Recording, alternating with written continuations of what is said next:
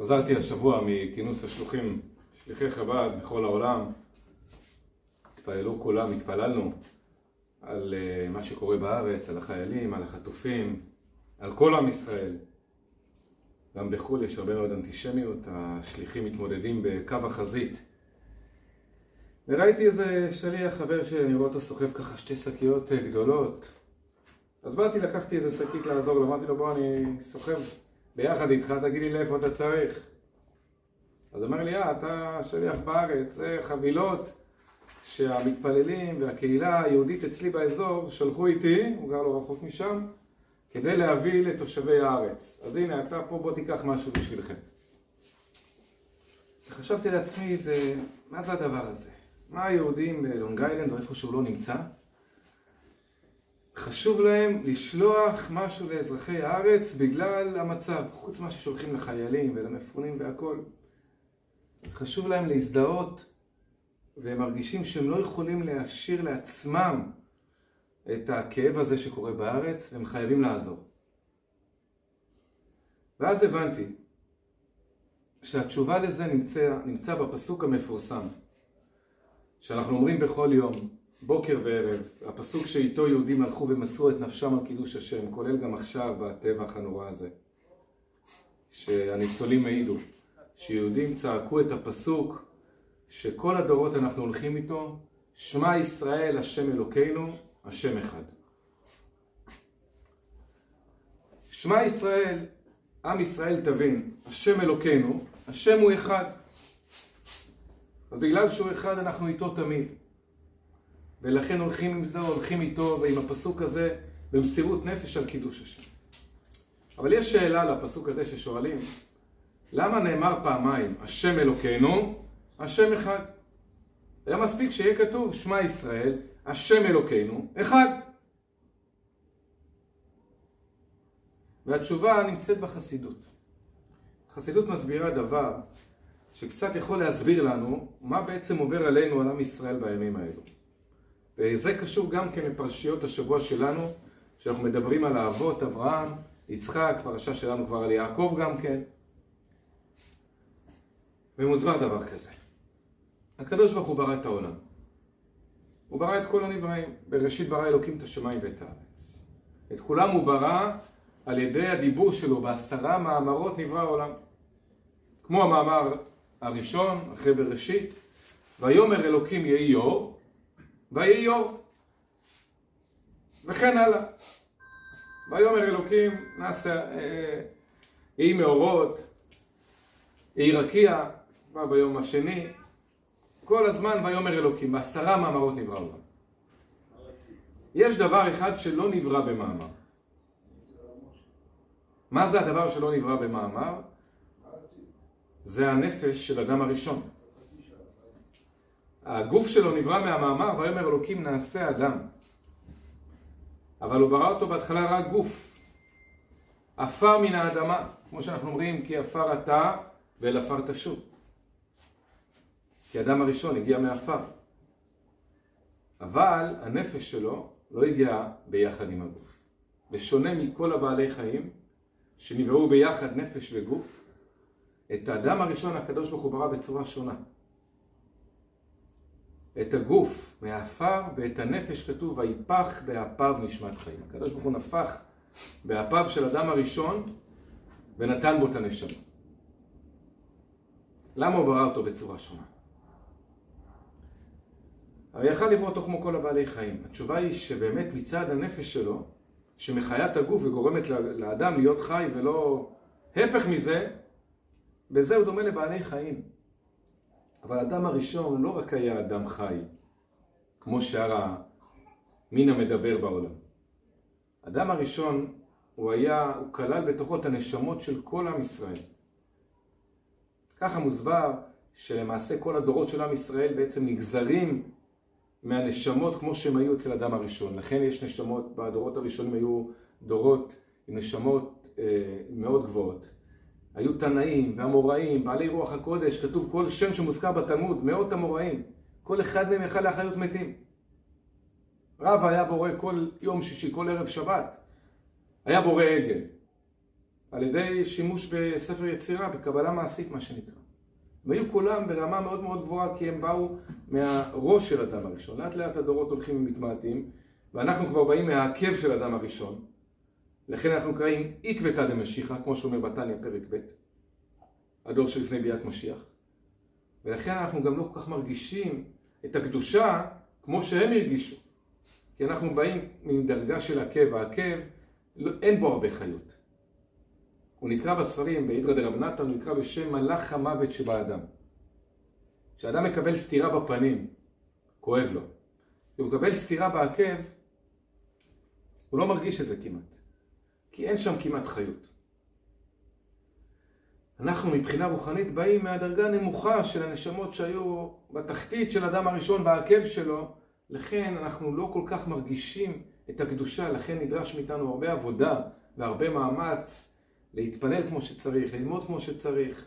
כל דבר של קדושה בא אצלנו בקושי, כי אנחנו מרגישים בעיקר חומריות. בדורות הקודמים זה לא היה ככה, הפוך. היו המון אנשים קדושים וצדיקים, זה השפיע על כולם. ובגלל הסיפור הזה של הנשמות שהיו כלולות באדם הראשון, בגלל הנשמות, הקדוש ברוך הוא לא ברא אותו עם דיבור, אלא ויפח באפיו נשמת חיים. את הנפש שלנו, של עם ישראל, את הנפש האלוקית שלנו, הקדוש ברוך הוא לא ברא על ידי דיבור, ויאמר אלוקים, נעשה נשמה. אלא את הנשמות האלו ויפח. מה זה ויפח? ויפח זה בא לומר שזה בא ממקום הרבה יותר עמוק, כמו שהזוהר אומר. מאן דנפח, מתוכי נפח. כשאדם נופח, נופח מפנימיותו. כידוע, שכשאדם מדבר, יכול לדבר כל הזמן, בלי הגבלה כמעט. יש אנשים שזה המקצוע שלהם, יש אנשים שלא גומרים לדבר מצאת החמה עד צאת הנשמה. אבל תן לאדם, גם שמדבר הרבה, תן לו לנפח בלונים. בלון אחד, שתיים, שלוש, ארבע, זהו, הוא כבר גמור. מה קרה? הרי כשהוא מדבר הוא גם מוציא אבל, וגם כשהוא מנפח הוא מוציא אבל. אבל כשהוא מנפח הוא מוציא אבל מפנימיותו, ולכן זה מעייף אותו, זה דורש הרבה מאמץ. הדיבור לעומת זה זה אבל חיצוני יותר. כשכתוב ויפח זה משל. זה משל, הקדוש ברוך הוא לא נפח בגשמיות. הקדוש ברוך הוא אין לו גוף ואין לו דמות הגוף. זה משל, כמו שכשאדם נופח, הוא נופח מפנימיותו. ככה כשהקדוש ברוך הוא הוריד את הנשמות של עם ישראל דרך לגופו של אדם הראשון, הוא הביא את הנשמות האלה מפנימיותו. בשמות של הקדוש ברוך הוא, בראשית ברא אלוקים את השמיים ואת הארץ. שם אלוקים בגימטרי הטבע זה הקדוש ברוך הוא כמו שצמצם את עצמו. אבל עם ישראל בא, אנחנו אומרים, כחלק הוויה עמו יעקב חבל נחלתו. כי חלק הוויה, עם ישראל הוא חלק משם הוויה. שם הוויה זה הרבה יותר גבוה משם אלוקים. בקבלה זה נקרא שם העצם, זה השם של הקדוש ברוך הוא עצמו. כמו שאדם יש לו כמה שמות, יש לו את השם שלו, ויש לו את השם על שם הפעולה שלו. ההוא זה, אני יודע מה, ההייטקיסט, זה החשמלאי, כל מיני שמות כינויים, זה הפרסי, זה המרוקאי, כל מיני שמות שאנחנו נותנים לאנשים, או על שם הפעולה שלהם, המקצוע שלהם, על שם מקום המגורים שלהם, כל מיני שמות של כינויים. אבל השם של האדם עצמו זה השם שלו, אברהם, יצחק, יעקב. ככה אומרים חז"ל שהשמות של הקדוש ברוך הוא יש לו הרבה שמות. יש שבעה שמות שלא נמחקים. על שמות הם נקראים על שם הפעולות שלו. כשעבר, כשמשה רבנו שואל את הקדוש ברוך הוא ואמרו לי מה שמו, מה הוא אמר עליהם, אז חז"ל אומרים שהקדוש ברוך הוא עונה לו, תגיד להם לפי מעשיי אני נקרא. כשאני עושה פעולה של חסד, כשאני מתנהג בחסד, ברחמים, אני נקרא בשם כל. חסד, כל כל היום. כשאני מתנהג בגבורה, אני נקרא בשם אלוקים. אלוקים זה מידת הדין. וכן הלאה. אבל מה זה שם י' כו' שם הוויה זה הקדוש ברוך הוא עצמו. ועם ישראל כחלק הוויה עמו, עמו של הקדוש ברוך הוא עם ישראל, הם חלק משם השם. בלשון של התניא, חלק אלוקא ממעל ממש. חלק אלוקא ממעל זה פסוק באיוב, הוא מוסיף את המילה ממש, כלומר שעם ישראל זה ממש חלק משם הוויה. חלק מהקדוש ברוך הוא עצמו. ולכן, עם ישראל הוא שונה משאר הנבראים. המשנה בפרקי אבות אומרת, חביב אדם שנברא בצלם. כל אדם נברא בצלם אלוקים, ולכן כל אדם הוא חביב, אנחנו צריכים לכבד כל אדם. לא משנה יהודי או לא, חביב אדם הוא חביב. הקדוש ברוך הוא ברא אותו בצלם. חביבין ישראל, בנוסף לזה עם ישראל, יש להם חביבות מיוחדת שנקראו בנים למקום, לקדוש ברוך הוא, שנאמר בנים אתם להשם אלוקיכם. עם ישראל יש להם חוץ מהחביבות של מין המדבר, יש להם חביבות נוספת, כי יש להם נפש אלוקית, ומצד הנפש האלוקית הם בנים לקדוש ברוך הוא, כמו שהבן בא מפנימיות האבא. ככה עם ישראל בא מפנימיותו של הקדוש ברוך הוא. ולכן, אנחנו קוראים אבות, אין קוראים אבות אלא לשלושה, אברהם, יצחק, יעקב. השבטים הם כבר לא אבות, הם כבר השבטים. כי התהליך הזה היה צריך לעבור דרך שלושת האבות. אברהם אבינו, הראשון שהכיר את בורו כבר בגיל שלוש, ואחרי זה בגיל ארבעים הגיע לרמה גבוהה יותר של הכרה בקדוש ברוך הוא, בגיל ארבעים ושמונה התקדם יותר. וזה רמוז בפסוק בפרשה תולדות, שבגיל שלוש הוא הכיר את בורו. כתוב עקב אשר שמע אברהם בקולי. עקב, המילה עקב זה 172. קע"ב. כן. אברהם אבינו כמה שנים חי? 175 שנים. מתוך ה-175 שנים, עקב שנים הוא שמע בקולי, 172, כי כבר בגיל שלוש הכיר את בורו. כביכול היה חסר לו רק השנתיים, שלוש הראשונות, אחר כך היה לו 172 שנים מלאות שהכיר את הקדוש ברוך הוא. אז הוא היה אבי האומה, באופן טבעי, אדם שהכיר את הקדוש ברוך הוא, עבד אותו, הלך במסירות נפש, עמד בעשרה ניסיונות, הוא מתאים להיות אבי האומה של עם ישראל שדבקים בקדוש ברוך הוא ומוסרים את נפשם. ואז בא הקדוש ברוך הוא ואומר לו בגיל 99, תעשה ברית מילה. ברית מילה זה משהו הרבה מעבר. ברית מילה זה הרי ביום השמיני, כל המצוות שקשורות למספר שמונה זה מצוות שהן גבוהות הרבה יותר ממצווה רגילה, רוב המצוות שקשורות למספר הן קשורות למספר שבע. שמונה זה מעל הטבע, כמו שהכלי יקר כותב על הפסוק ויהי ביום השמיני, כששמיני למילואים, ביום השמיני של החנוכת המשכן, כל יום בנו את המשכן, הקימו, פירקו אותו, הגיע היום השמיני, שרתה השכינה, ראש חודש ניסן, בו שרתה השכינה במשכן, הקדוש ברוך הוא הגיע והתגלה במשכן, אומר למה? כי זה היום השמיני, השמיני זה הדרגה של הקדושה שהיא מעל, ה... מעל הטבע, נקרא בחסידות למעלה מהשתלשלות. הקדוש ברוך הוא אומר לו, תקשיב, אתה צריך להביא את יצחק. האבא השני של עם ישראל, אתה קודם כל צריך לעשות ברית מילה. כי עם ישראל הוא למעלה מהטבע. אז עם ישראל צריך לבוא, אתה נולדת לאבא תרח. תרח לא עשה ברית מילה לפני שהוליד את אברהם, אבל אתה כן תעשה ברית מילה, ואז תוליד את יצחק. באמת שנה אחרי, אברהם בן מעט שנה, ויוולד לו את יצחק בנו. ויצחק נולד לאבא שכבר עשה ברית מילה, ונולד ברית מילה מבטאת את הקשר העצמי, הקשר האינסופי, הקשר העל-שכלי שבין יהודי לקדוש ברוך הוא לוקחים ילד בן שמונה ימים, לא מבין שום דבר, כבר אומרים לו אתה, אתה מחובר לקדוש ברוך הוא. ואחרי שיצחק נולד, מאבא שנולד, שעשה ברית מילה בגיל 99, אז, ויצחק עשה בגיל שמונה ימים, אז מגיע התור של האבא השלישי והאחרון שלנו, יעקב אבינו, שהוא הגיע מאבא שכבר עשה ברית מילה, אבל בגיל שמונה ימים. שהוא מבטא את הקשר של ילד קטן שלא מבין שום דבר, תינוק. אבל יהודי מחובר לקדוש ברוך הוא בחיבור שהוא מעל ההיגיון, חיבור עצמי. כמו שקשר שבין בן לאבא. זה קשר שהוא מובנה, הוא בילדין. וזה מביא לקדוש ברוך הוא שמחה אמיתית. כשיהודי עובד את הקדוש ברוך הוא, גם אם הוא לא מבין, וגם אם זה נגד ההבנה שלו, אבל הוא יודע שאם הקדוש ברוך הוא אומר, אני עושה. זה גורם לקדוש ברוך הוא שמחה אמיתית, זה מבטא את המהות האמיתית של יהודי. זה ההסבר לשם יצחק. למה יצחק נקרא בשם יצחק? בפשטות על שם, כי צחוק עשה לי אלוקים. כל השומע יצחק לי. שרה אומרת מה, בגיל 90 אני ילד, אברהם אבינו בגיל 100 שנה ילד. צחוק עשה לי אלוקים. השאלה היא, זה לא, זה לא ביזוי? ממתי קוראים לילד על שם צחוק? שההורים שלו או אימא שלו צחקה? זה נעים לשמוע דבר כזה שהילד קוראים לו ילד כי אתה, כשאמרו שתיוולד, אימא שלך צחקה ויש דעות שהיה חסר לה באמונה כביכול בזה שהיא צחקה. לא מתאים. ההסבר נמצא בדברי חז"ל שאומרים שלעתיד לבוא יאמרו ליצחק דווקא מבין שלושת האבות כי אתה אבינו. מה מיוחד ביצחק, יצחק מלשון צחוק? מה זה הצחוק? צחוק זה עניין של שמחה. אז לעתיד לבוא ימלא שחוק פינו.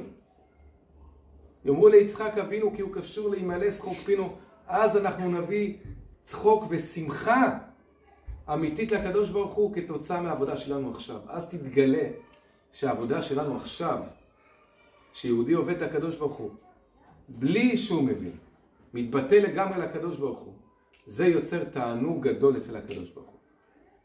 במילים אחרות, השמחה האמיתית שאנחנו גורמים לקדוש ברוך הוא בעבודה שלנו, היא לא כל כך בדורות הקודמים שדיברנו שהיו מהדרגה של הראש של אדם הראשון, אלא דווקא אנחנו שבאים מהעקב של אדם הראשון, שאנחנו לא כל כך מבינים, לא מספיק מבינים, ואין לנו תשובות לשאלות. אנחנו יכולים להבין למה קרה מה שקרה רק בשמחת תורה האחרון? אין לנו תשובות לשאלות האלה. אבל אנחנו בגלל זה לא נחלשים באמונה, אדרבה. זה רק מעורר אצלנו יותר את הנקודה היהודית שלנו. אנחנו עובדים את הקדוש ברוך הוא יותר, עם ישראל, באופן אולי הפוך על הפוך ממה שההיגיון היה אומר, עכשיו מתעורר יותר ומתחבר יותר למקור שלו, לזהות האמיתית שלו, לזה שהוא חלק אלוקא ממעל ממש. יהודים מכל, מכל העולם מרגישים צורך עכשיו להתחבר, אני שמעתי מהחברים שלי גם כן, השליחים בארצות הברית, מספרים לי שני שלוחים, שיש להם הרבה יהודים שלצערנו נשואים בנישואי תערובת. ופתאום הם מרגישים שמשהו פה לא תקין. הם כולם מזועזעים ממה שקורה בארץ, ולא מסוגלים להתנתק מהחדשות, ומרגישים שהם רק צריכים ורוצים לעזור ולחזק את תושבי הארץ ואת החיילים. והאישה שלהם, במקרה מסוים זה אישה, הבעל לא יהודי, בכלל לא מעניין אותם. בסדר, גם יש טבח אולי ברוסיה, באוקראינה, אז זה מעניין את כל העולם. ואם אסד טבח בעם שלו, זה הפריע לכל העולם לשבת ולשתות כוס קפה. אני לא מבינים מה יש ל, ליהודי הזה שהוא לא רגוע עכשיו. ואז פתאום היהודים הבינו שאנחנו, זה לא מה שחשבנו. יהודי זה משהו אחר. דווקא במצב כזה קשה, בסתירה כזו חזקה שקיבלנו, שאנחנו באמת עוד לא מעכלים את מה שקרה, דווקא זה מגלה ומעורר אצלנו את הנקודה הפנימית שלנו, שאנחנו חלק אלוקה ממעל ממש, פתאום זה מתעורר. פתאום הם הראו לנו שלא משנה מה אנחנו מתנהגים, וכמה שלא נהיה נחמדים אליהם ונאהב אותם, ונשלח להם בלונים ומה לא, הם הורגים וטובחים בכל יהודי באשר הוא באותה מידה. פתאום היהודים בכל העולם מתעוררים, הנקודה היהודית פתאום גילו לנו, הלו, יהודים זה לא מה שחשבתם, זה לא מה שהרגשנו. יהודי זה משהו אחר. ולכן הנקודה הזו מתעוררת בנו. הנקודה הזו שיהודי זה משהו שקשור לקדוש ברוך הוא בצורה על-טבעית, בדיוק כמו הברית מילה, שהוא בגיל שמונה ימים, כמו יצחק, שמביא צחוק ותענוג לקדוש ברוך הוא בזה שיהודי בצורה על-שכלית, שלא מבין, אבל עובד את הקדוש ברוך הוא כי הוא מרגיש שזה האמת ויודע שזה האמת, גם כשאין לו תשובות לשאלות. זה עם ישראל. ולכן אנחנו אומרים, עם ישראל חי. כי הנקודה הזו של עם ישראל, אף אחד לא יכול לקחת אותה. אני אסיים עם סיפור שהיה ברוסיה הקומוניסטית לפני כ-80 שנה, קצת יותר, כבר כמאה שנה. היה, הם כידוע לקחו הרבה מאוד רבנים, הרגו, שמו בכלא, ואחד מהרבנים היה רב שקראו לו, יש רחוב על שמו בבני ברק, רב יחזקאל אברמסקי. והוא נלקח לכלא שם, בסוף שחררו אותו. והיו כידוע עוד רבנים, ובראשם היה את המנהיג היהודי בחבר העמים באותם שנים, הרבי הקודם של חב"ד, רבי יוסף יצחק. והוא גם היה שם בכלא, בצורה ניסית הם הוציאו אותו. זה היה נס גמור. והוא הגיע לביקור בארץ ופגש את הרב אברמסקי. והוא מדבר איתו ואומר לו, נו בוא תספר קצת על התקופה שהיית במאסר. אז אומר לו, תקשיב, אני כמו יהודי, קם בבוקר, דבר ראשון, אומר, מודה אני לפניך. מלך חי וקיים, שהחזרת בי נשמתי בחמלה, רבה אמונתך. הוא אומר, אני חושב לעצמי, אחרי כל כך הרבה זמן שאני שם, על מה מודה אני לפניך? מה יש להודות לקדוש ברוך הוא? אין לי פה כלום. אין לי פה משפחה. אין לי אפילו תפילין. אני קם, לא עושה שום דבר. מה יש להודות לקדוש ברוך הוא? ואז אומר, אני חושב וחושב, אני אומר, הם לקחו לי את הכל הקומוניסטים. כל התנאים שלי, הגשמיים והרוחניים. אבל יש דבר אחד שאותו הם לא לקחו לי. מה זה הדבר הזה? זה האמונה. את האמונה בקדוש ברוך הוא הם לא יכלו לקחת לי. ואז הוא אומר, הבנתי. מה זה מודה אני לפניך? מלך חי וקיים.